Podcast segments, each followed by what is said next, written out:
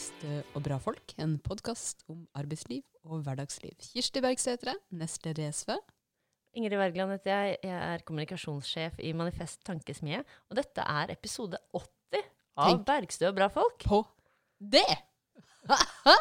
Så for dere som, eh, som eh, ikke har hørt alle, er det bare å benke seg og døgne med Og Men det er jo ikke en hvem som helst vi har med oss for å feire eh, 80, eh, 80 år, holdt jeg på å si. Eh, episode nummer 80 av podkasten. Eh, det er en stor glede, en ære. Det er veldig koselig å kunne ønske velkommen til Oslos ordfører Marianne Borgen. Velkommen! Tusen takk. Ja, dette har jeg gleda meg til. Du har det. Mhm. Det har vi Ja. òg. Ja, velkommen. Det er veldig, veldig flott, flott du kan være her. Vi har jo, vi har jo som mål også uh, å intervjue alle, alle SVs ordførere. Og det, det er jo, selv om du er nærmere oss enn en noen av de andre, så, så har du jo mye på, på timeplanen. Så tusen takk for at du tar deg tid til å komme. Det er bare hyggelig. Jeg gleder meg til det. Så det er mye å fortelle om Oslo, vet du. Ja, det er det. Hvor vil du starte? Nei, nå er jo jeg eh, godt voksen og har jo fulgt denne byen fra jeg ble født i 1951. Ja. Sånn at det er jo snart 70 år. Du har bodd i. Oslo alltid. Jeg har alltid bodd i Oslo. Men jeg har hatt noen jobber hvor jeg har reist mye rundt i verden. På, både for et barn og andre. Men jeg har alltid bodd fast i Oslo. Og bodd på Oslos østkant. Jeg vokste opp midt i Groruddalen. Vokste opp på Veitvet. Og den gangen var jo byen ja, det var nesten halvparten av det antall innbyggere som vi har i dag. Eh, for nå har vi nesten 700 000 innbyggere. Jeg tenker på det. Og den gangen så var det jo en annen by i den forstand at det var eh, mye mindre mangfold enn det det er i dag. ikke sant? Eh, Jeg husker det var på 50-tallet var det vel én som var på en måte mørk eller svart i huden, som bodde i Oslo. Alle visste hvem han var, og alle så på han når han gikk i, i Oslo. Hvem var det, da? Mm. Nei, Jeg kjente han ikke, men jeg husker det var liksom, det var, det var den liksom. første personen som man, vis, eh, liksom, man så eller kjente litt. da Mm. som hadde en annen hudfarge enn enn vår. Og, og, men nå er det jo helt annerledes. Nå har vi jo, er vi jo veldig stolte av Oslo som en mangfoldig by. Vi har jo, Bare i Oslo-skolen så, er- så snakker jo barn over 200 ulike språk. Tenk deg hvilken ressurs det er i vår, i vår globaliserte verden. Å ha så mange mennesker som har så mye kulturkompetanse, språkkompetanse. Så, sånn sett har det blitt veldig annerledes. Og så når jeg vokste opp, så visste jeg jo nesten ikke at jeg bodde i en fjordby. Altså ved en fjord. Fordi at all eh, rundt hele der hvor rådhuset er nå, der hvor Bjørvik er nå, der hvor Aker Brygge er nå, så var det jo Aker Brygge var jo eh, Der bygde de jo båter. Eh, og ellers så var det konteinerhavner rundt det meste på østsida av byen. Sånn at eh, jeg som bodde da midt i Groruddalen, jeg, fikk, jeg skjønte nesten ikke at jeg bodde ved en eh, sjø før jeg var en 18-19 år gammel. Eh, eller ved en fjord, da. Hvor dro du Så- og bada når du Nei, men du vet? Det som vi også fikk vite, da, det var at hvis vi så fjorden, så fikk vi vite at der kunne vi ikke bade, for det var så forurensa. Det var farlig å bade der. Ja. Hvis du, hvis du fiska og fikk en fisk, så skulle du ikke spise fisken, for den var farlig å spise. Så det at vi har re- renska opp fjorden sånn som den er i dag, med fantastiske bademuligheter mange, mange steder, er jo en helt annen by enn det jeg vokste opp i. Og båttransport ut til øyene som alle Ja, kan ta. vi dro til Hovedøya Ja, da jeg var barn. det? Det husker jeg så vidt. Men det var liksom på tur, da, men da kunne vi ikke bade der, da, for det ble sett på som så skittent. Ja. Møkkete vann. Men jeg husker at, vi, at jeg var Men det kanskje jeg var bare noen få ganger i løpet av hele Fins oppveksten. ingen pille mot møkkete vann. Som det heter i Nei, men vi har renskap. Ja, det blitt Så det fins en kur. Eh, ikke Ja. for alt, men for, eh, for det Nei, så det opp, og det har blitt, eh, nei, så det har blitt en mye mer mangfoldig og triveligere by, uh, Ja. syns jeg. da. Men vi har jo fortsatt en delt by. Men det er en stor, eh, stort arbeid å rense opp fjorden. Ja. Og nå er det jo et arbeid på gang for å få torsken tilbake, fisken tilbake i Oslofjorden. Absolutt. Ja, torsken er jo blitt freda, stakkar. Ja. Nei, nå, nå kan du ikke fiske torsk. Nei, det er jo nå bare siste året. Ja. få komme seg tilbake. Men Men du, sier jo at det tar mange år når du først ødelegger noe i Mhm. naturen, så tar det mange år å, å få det bra igjen. Men det går an. Mm. Og jeg syns vi har vist det veldig godt i Oslo, at det går an å ta noen gode miljøgrep. da.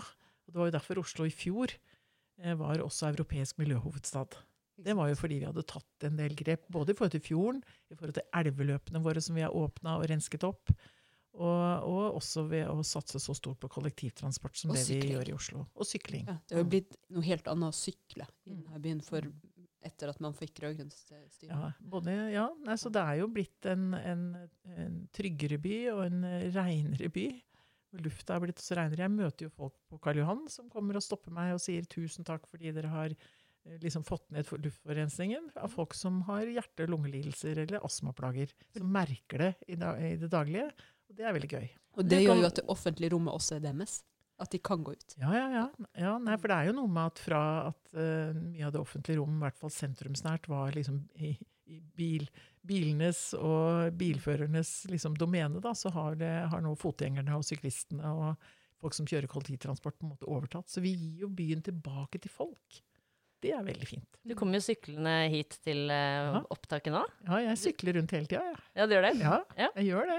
Fortsatt syns jeg det er litt jeg er jo i, Det er noe som heter Syklistenes Landsforening, som jeg er medlem av. Og der er jeg i den kategorien som heter dame med kurv.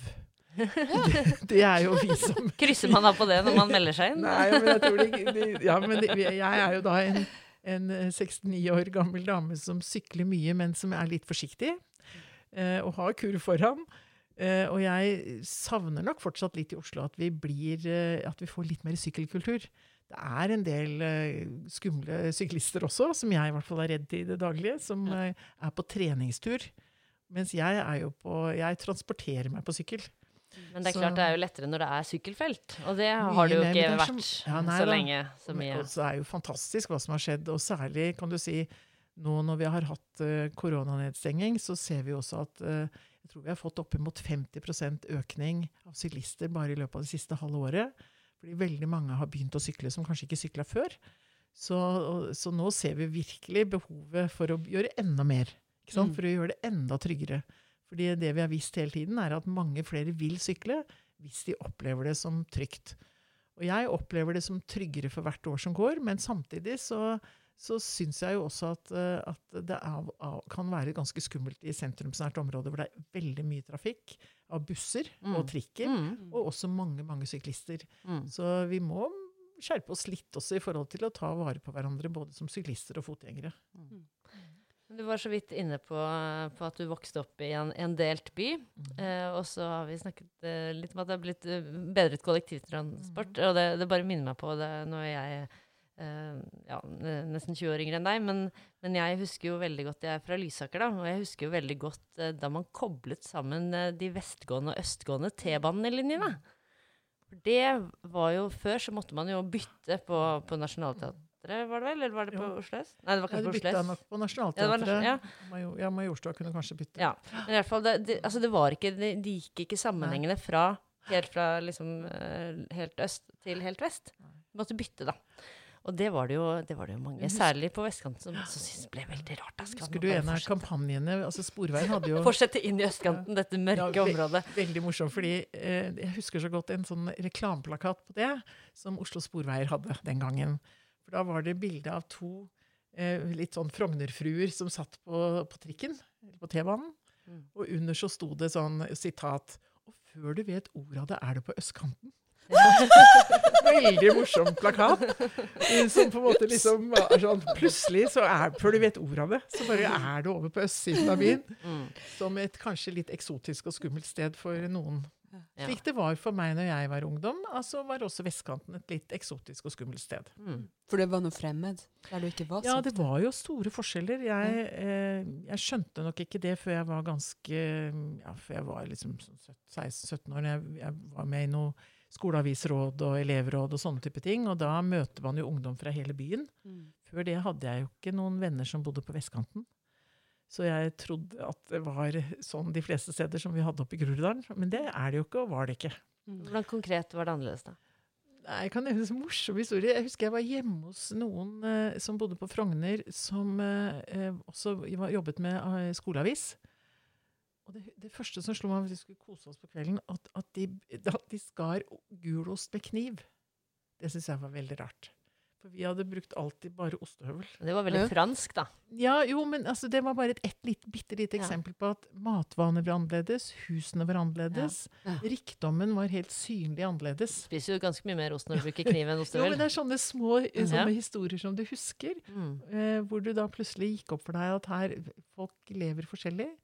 Folk er forskjellige, og, og det er store klasseforskjeller i den byen som, som jeg da vokste opp i. Det, det tror jeg jeg først begynte å skjønne jeg gikk på det som den gangen het gymnaset. Mm. Men Oslo er jo fremdeles en klassedelt by. Oslo er fortsatt en klassedelt by. Og vi kaller det ofte at det er den, fortsatt den delte byen mellom øst og vest, selv om du finner blandinger i de fleste bydeler. Altså det bor eh, fattige familier i alle bydeler i Oslo. Men det er klart at du har noen bydeler hvor det er mange, mange flere. Eh, og, det henger jo sammen med ikke minst boligstrukturen som vi har i byen. Mm. Hvor er det de dyre boligene er, de store boligene er? Hvor er det folk med høy utdanning og høy inntekt bor? Så vi, det er jo en, en klassedelt by fortsatt. Husk på, vi er jo den kommunen i landet som har flest barn som, bor under, E- nei, som lever under EUs fattigdomsgrense. Jeg tror tallet er rundt 20 000. Og i noen områder i gamle Oslo, eh, som er sentrumsnært i, i byen vår, og, og Søndre Nordstrand og nord i Groruddalen, så er det klart at du har områder hvor det er opptil 40-50% av barna som lever under, i familier som har inntekt under EUs fattigdomsgrense. Og det er jo ganske alvorlig, for du kan si i Norge så er det jo ikke sånn at eh, folk som eh, har lav inntekt, eller som lever på nær fattigdomsgrensa, både litt over og litt under, de sulter nok ikke, og de fryser ikke, og de har et sted å bo. Men de fratas mulighet for å delta i vårt samfunn. Fordi eh, det koster penger å leke med andre barn. Jeg er veldig opptatt for eksempel, av eh, gratis aktivitetsskole, som vi har fått til i Oslo. Gratulerer. Ja, jeg er veldig glad for det. For det Det er det handler som om heter SFO i, i ja, resten det som heter SFO andre steder. Mm. For det handler nettopp om å sikre at barn, uansett hvor du kommer fra, uansett foreldrenes også prioriteringer på penger, Mm. at de barna får være med på leken, og ikke minst den læringen som følger av leken. For der så vi i Oslo at mange barn sto utenfor gjerdet og så på. At andre barn fikk lov til å leke. Og det er mange timer hver dag. med lek. er, ja, og Mm. det er Og jo en, Men kan tenke deg hvis du som lite barn eh, opplever utenforskap fra dag én på skolen. Ikke sant? At du begynner når du er fem og et halvt, seks år, og så får du ikke være med på leken. Fordi mamma og pappa ikke har betalt penger for det. Mm. Det var, er jo hjerteskjærende og helt ille i vårt samfunn. Så, så vi har jo innført en universell ordning, gratis aktivitetsskoleordning som vi ruller ut litt år for år, for det koster en del penger. Men uh, vi har kommet ganske langt på det, og jeg håper at det stimulerer andre kommuner, men også ikke minst regjering og storting, at vi kanskje etter hvert tenker at aktivitetsskolen er en del av barns skoledag. Eh, og hvor det ikke bør være Og skolen skal være gratis, og er gratis, og da bør også aktivitetsskolen være det. For du lærer veldig mye gjennom eh, å leke med andre barn. Mm. Og det har vært en enorm økning eh, etter at det ble gratis. Det har jo ikke vært sånn at det har vært mange foreldre som ikke har ønsket at barna skulle gå der. Ja, så det er jo en, virkelig en suksesshistorie fra Oslo, akkurat dette, som Mm. jeg er veldig veldig stolt av. Fordi eh, barna elsker det, og vil gå der. Og foreldrene er lykkelige over at dette tilbudet fins. Og eh, lærerne eh, sier at det gjør noe med miljøet på skolen, og rektorene vil ha det. Så man kan si alle vil ha det. Og så må vi jo selvfølgelig passe på hele tida at det er god kvalitet. Mm. Fordi det skal være god kvalitet, og det, skal ikke være, det er ikke noe parkeringsplass for barn vi har laget. Vi har laget eh, et system som skal være bra for unger å være på. Mm. Hvor, de, hvor de kan kjenne på tilhørighet, nye, få seg nye venner kanskje, og, og leke litt på kryss og på tvers. Så tror jeg man, eh, man innser også at eh, leken er utrolig viktig i skolen. Men du nevnte også det med boligstruktur, Marianne. Marianne, og den, den delte byen. Eh, Der er det vel også gjort noen grep i forhold til, eh, til boliger og uh, muligheten til å ha uh, en bolig man kan betale leie Ja. på. Et bolig er jo er så, så fundamentalt viktig i alle menneskers liv. Ja. Og sånn som det har blitt nå, så er det jo sånn at eh, det har blitt så utrolig dyrt. Eh, sånn, ah, nå var det en undersøkelse for noen, en uke siden eller noe sånt nå, som viste at en ferdig utdanna sykepleier i Oslo med full jobb hadde mulighet for å kjøpe ja, maks opp- 3 av boligmarkedet som er i Oslo. Altså nesten ingen boliger er så eh, billige at de ikke har mulighet for å kjøpe det, selv om du da har en flott utdanning som en sykepleier har, og er i full jobb. Mm. Og det sier litt om hvordan det har blitt. Så helt fra 80-tallet til nå så har jo, tror jeg, alle politikere, eh, også på statlig nivå, og også for, så vidt vi her i Oslo, altså man har jo liksom forsømt seg litt, fordi at eh, boligmarkedet har liksom blitt, det er blitt overlatt til å være et sånn markedsstyrt eh, greie, som har gjort at prisene har økt og økt og økt. og økt og økt. Mm. Og det er vi nødt for å gjøre noe med. fordi det, det, det, Jeg husker vi sa i min ungdom så sa vi jo sånn at hvis du har en barnløs tante på Frogner, og du arver en leilighet fra henne, så kan du leve lykkelig resten av ditt liv. Mm. Nå er det blitt enda verre. ikke sant? Mm. Fordi, fordi at eh, det hoper seg opp mye kapital. Og, og det er klart, hvis du arver en leilighet som er verdt 15 millioner kroner, eller 10 millioner kroner, eller 5 millioner kroner, så, skap, så øker klasseforskjellene. Ut fra at for Boligmarkedet er på en måte nesten blitt en sånn motor for å øke klasseforskjeller. Så vi, vi prøver nå i Oslo å ta noen grep. Det er det vi kaller for den tredje boligsektor. Hvor vi er opptatt av å få, få på plass både flere ikke-kommersielle utleieboliger, og hvor kommunen også går inn og tar et større ansvar for eh, boligbyggingen, og ikke bare overlater alt dette til private aktører, slik høyresida har gjort i mange, mange år. Mm. Men dette tar litt tid å, å, å snu. Eh, så, og dette er ganske komplisert. Men det er helt åpenbart at eh, for unge folk i etableringsfasen i Oslo, og også i mange av de store byene rundt omkring i Norge, så har det blitt ekstremt krevende. Jeg har lyst til å fortelle hvordan det var når moren og faren min flytta inn på Veitvet i 1954. Da var jeg tre år gammel. Det var den sosiale boligbygginga etter krigen. Eh, og da bygde man Veitvetbyen, mange tusen leiligheter. Oslo kommune eh, tok og mm, hadde kontroll over 25% av de. Og moren og faren min hadde stått og stempla på boligsjefens kontor som det het den gangen, i tre år. Fordi de hadde ikke noe egen bolig. Vi bodde inne hos besteforeldrene mine, som hadde en bitte liten leilighet. Og da fikk de tildelt da en bolig som var fantastisk, på over 80 kvadratmeter. Faren min var ufaglært arbeider i byggebransjen og tjente 10 000 kroner i året i inntekt.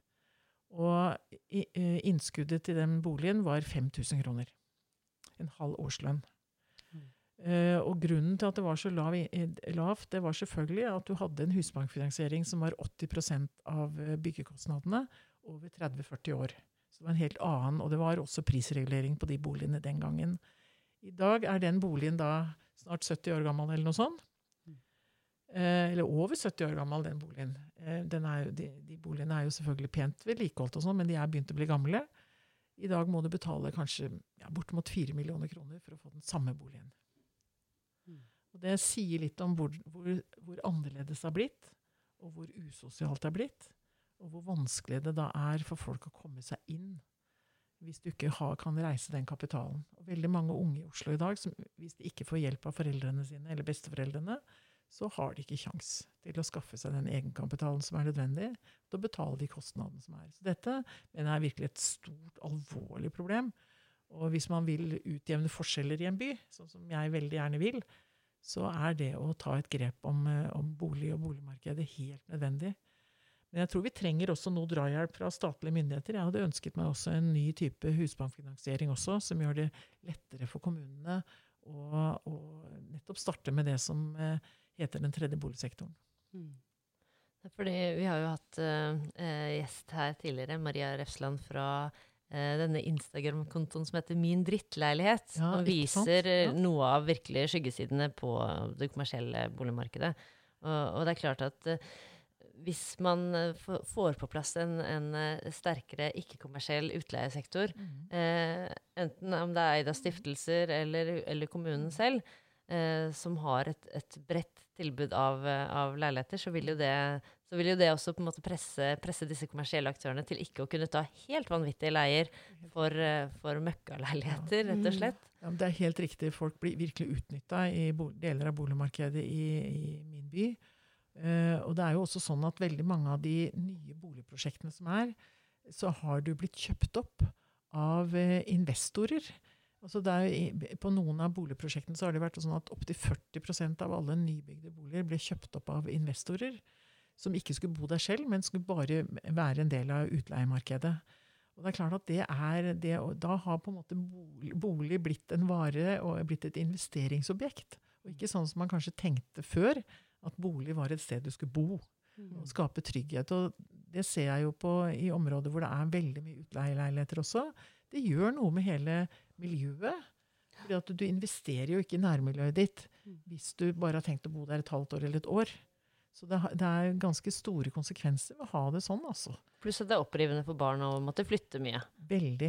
Bytte skole, Ja. nye venner Ja. osv. Mm. Den rød-grønne koalisjonen, vi skal kalle, kalle dere som nå styrer Oslo, eh, som har da, eh, vant jo da rett og slett valget med å, å si at man skal innføre eiendomsskatt. Det sies jo, eller mange som påstår at det ikke går an å vinne valg hvis man snakker om å øke skattene, men eh, der har dere bevist at det går an. Ja, og det var veldig morsomt, syns jeg. Men det jeg tror grunnen til at vi allikevel vant valget, selv om vi lovte folk å øke skattene, det var at vi var veldig tydelige på hva vi skulle bruke de pengene til. Ikke sant? For det at vi, vi sa veldig tydelig at vi skal bruke det for å styrke velferden. Vi skal bruke det for å, at barn skal få gratis aktivitetsskole. At vi skal styrke skole- og barnehagetilbudet. Vi skal bruke det til å styrke kollektivtransporten. Hver krone skal gå tilbake til befolkningen. Og så er det jo en fordelingspolitikk som ligger i bånn. At de som har mye, dvs. Si de som bor i de dyreste leilighetene for Husk på, Vi laget jo i Oslo en sosial profil på, på eiendomsskatten. Sånn at hvis du, hadde, hvis du hadde en bolig som hadde en verdi på sånn ja, 4,5-5 millioner kroner, så fikk du ikke noe eiendomsskatt. Det var bare de som hadde eh, dyrere boliger enn det. Jeg tror ikke det var noen annen kommune i Norge som har hatt en så sosial profil på eiendomsskatten sin. Men allikevel så får vi inn mye penger på det. Og vi Mm. har da, eh, mye av det vi har snakket om til nå, er jo ting som vi har finansiert gjennom eiendomsskatten. Så kunne jeg tenke meg i tillegg at eh, vi fikk en eh, mulighet for å beskatte eh, hardere de som eier, altså har sekundærboliger, de som eier bolig nummer to og tre og fire. Og 50 og 60 og Og 80 50, og ja, 100. ikke sant? Sånn at eh, det ikke ble så lønnsomt Mm. å investere pengene dine i, i, i boligeiendom. Men hvorfor Det det- har dere ikke gjort det? Nei, det må vi ha en statlig eh, lovgivning på. Så det roper vi på, på regjering og storting om, om at det må skje. fordi eh, ellers så blir, tror jeg fortsatt, eh, bolig et investeringsobjekt for, eh, for spekulanter. Og det ødelegger jo mulighetene for eh, folk til å skaffe seg et godt og trygt sted å bo. Men du sa, eh, Marianne, at eh, eh, pengene som dere eh, tar inn i boligskatt, eh, dem skal gå tilbake til folket. Eh, og der eh, har jo eh, dere vært veldig opptatt av at eh, pengene som brukes til velferd, skal gå til velferden, Ja. og ikke til eh, kommersielle aktører, eller forsvinne Mm. ut eh, av, eh, av ja, i skatteparadis, for for å si det sånn. For det var jo sånn når vi overtok i 2015, når vi vant valget da, de rød-grønne partiene, altså Arbeiderpartiet, Miljøpartiet og SV, og med støtte fra Rødt, så hadde jo Oslo lenge vært på en måte et slags, ja, et slags utstillingsvindu eller et eksperiment for høyresida i forhold til privatisering av velferdstjenester. Eh, sykehjemmene, barnehagene Det var jo til og med et vedtak i Oslo bystyre om at det ikke skulle bygges en eneste ny offentlig kommunal barnehage i denne byen.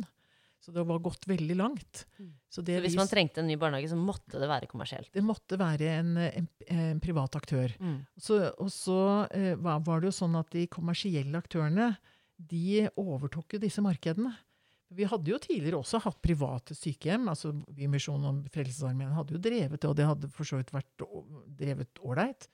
Men de ble jo, ble jo utkonkurrert av de store, svære eh, ja, kommersielle selskapene. Internasjonale, svære selskap som bare feide av banen både eh, foreldredrevne barnehager og, eh, og ideelt eh, privatdrevne eh, sykehjem osv. Så, videre.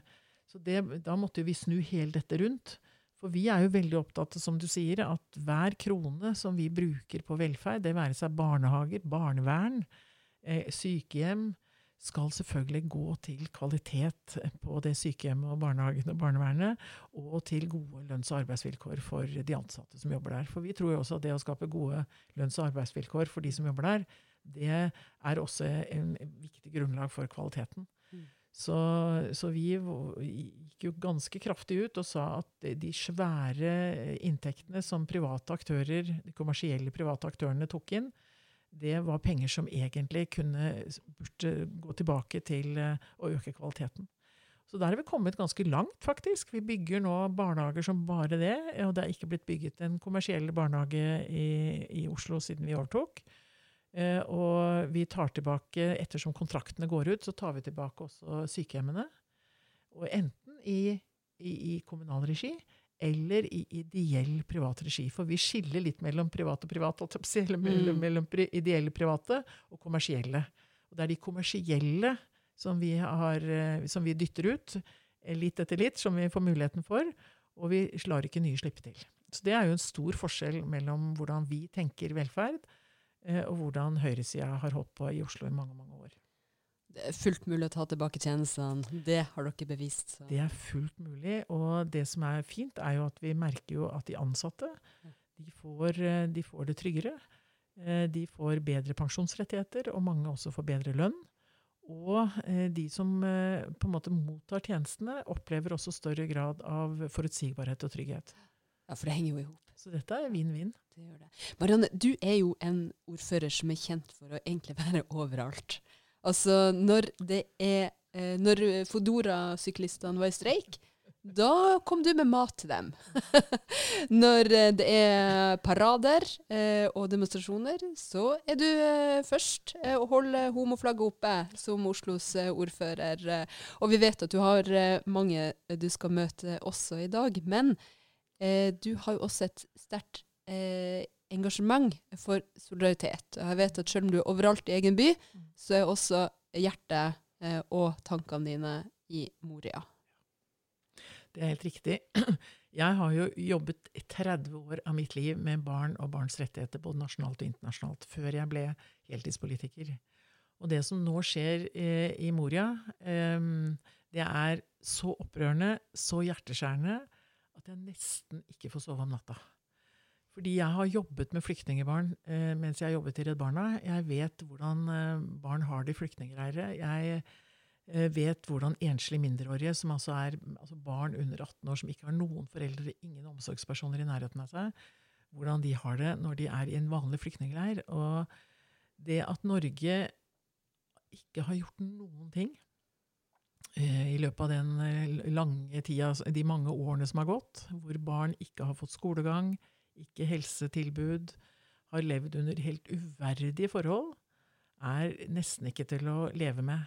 Når det nå har vært en brann i Moria-leiren som har virkelig eskalert liksom, fortvilelsen, da, så, så har jeg også de siste dagene engasjert meg sterkt for at Norge skal ta et større ansvar.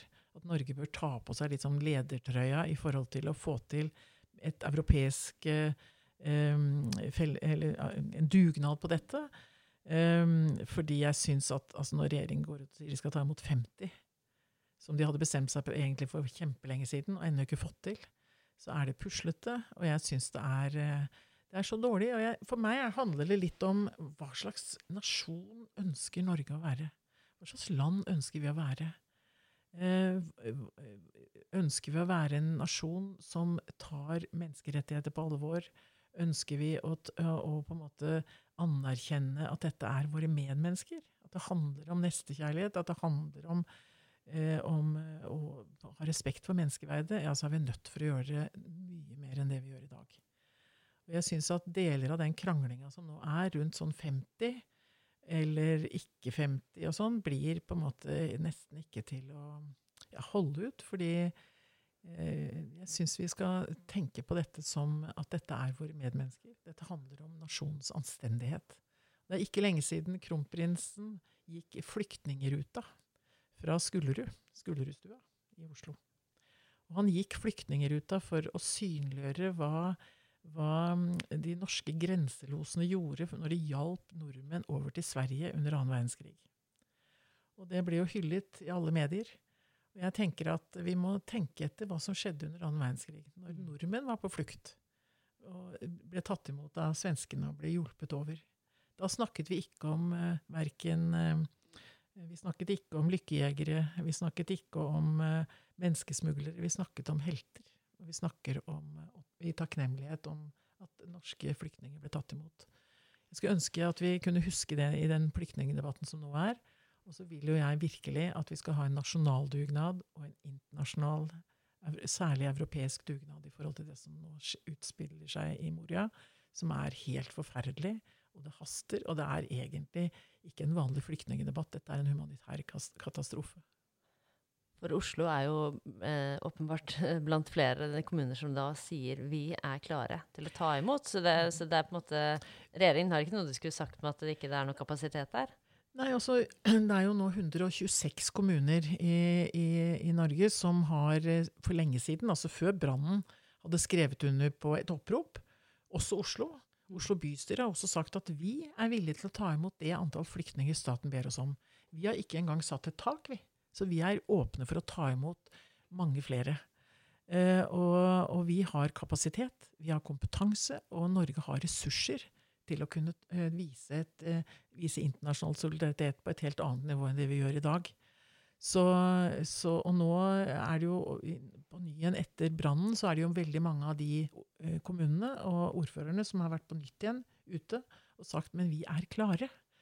Og det har også vært en underskriftskampanje som jeg tror rundt 50 000 mennesker har skrevet under på, som har sagt at uh, nå må regjeringen og Norge uh, ta, uh, ta, inn folk som er i krise fra Moria. Og det har jo ikke skjedd noen ting. Altså, regjeringen har jo somla, de har venta. De har de til og med har fattet et vedtak hvor åtte-ti land måtte først ta imot før Norge skulle ta imot. Mm.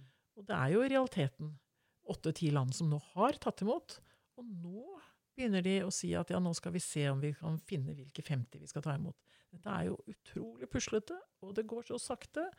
Og jeg tror rett og slett at uh, nå må Erna Solberg begynne å lytte til folk i sitt eget land. Mm. For det er et stort folkelig engasjement. Uh, og jeg tror nordmenn flest ønsker å vise solidaritet og nestekjærlighet. Marianne, du jobber dag og natt uh, for et mer rettferdig Oslo, for en mer rettferdig verden. Men eh, vi begynner jo alle en plass, og vi har eh, et fast spørsmål. Ja, det blir en brå overgang her, men du må løpe videre i din ordførergjerning. Så må vi jo altså Det alle våre lyttere sitter og venter på når vi har gjester, er jo hva var gjestens første jobb? Første jobb? Oh, jeg tror vi alle husker første jobben vi hadde. Den første ordentlige jobben jeg hadde, da var jeg 15 år gammel. Det var sommerjobb. Ja. Og da var jeg ryddepike på kaffestova på Stortorget. Og det var altså eh, fantastisk. Da eh, gikk jeg i sånn hverdagsbunad hver dag og rydda bord. Rydda når folk hadde spist middag og sånn. Eh, og det var en utrolig opplevelse å få sin første lønn den gangen fikk man det jo i gjennomsiktig papirpose. Med kroner og øre og, og hundrelapper liggende. Men den derre stoltheten over å tjene sine første penger, det husker jeg veldig godt. Så min første jobb på kaffestova har gjort dypt inntrykk. Det eneste problemet med den jobben var at det var veldig varmt den sommeren. Og vi måtte måtte gå med strømper under den bunaden hver eneste dag. Og det husker jeg var forferdelig. Mm -hmm. men ellers så var det helt utrolig å kunne få lov til å, å tjene sine egne penger og få litt ekstra lommepenger. Det husker jeg som stor glede og stolthet også. Måtte du ha bunadsko, eller?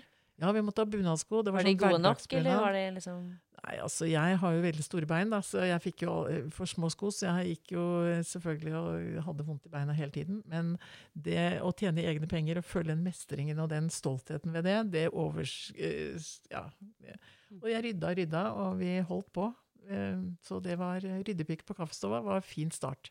Det kan jeg tro. Og så vet vi jo at uh, du er blant dem som har gått i bresjen uh, for at kvinnfolk skal vite at det ikke er skoene som er uh, At det ikke er fotene som er for store, men skoene som er for små. Men det får vi snakke om en annen gang, Marianne. Tusen takk for at du var med oss. Tusen takk. Takk til deg som hørte på. Fortsett med det, og ha en fin dag.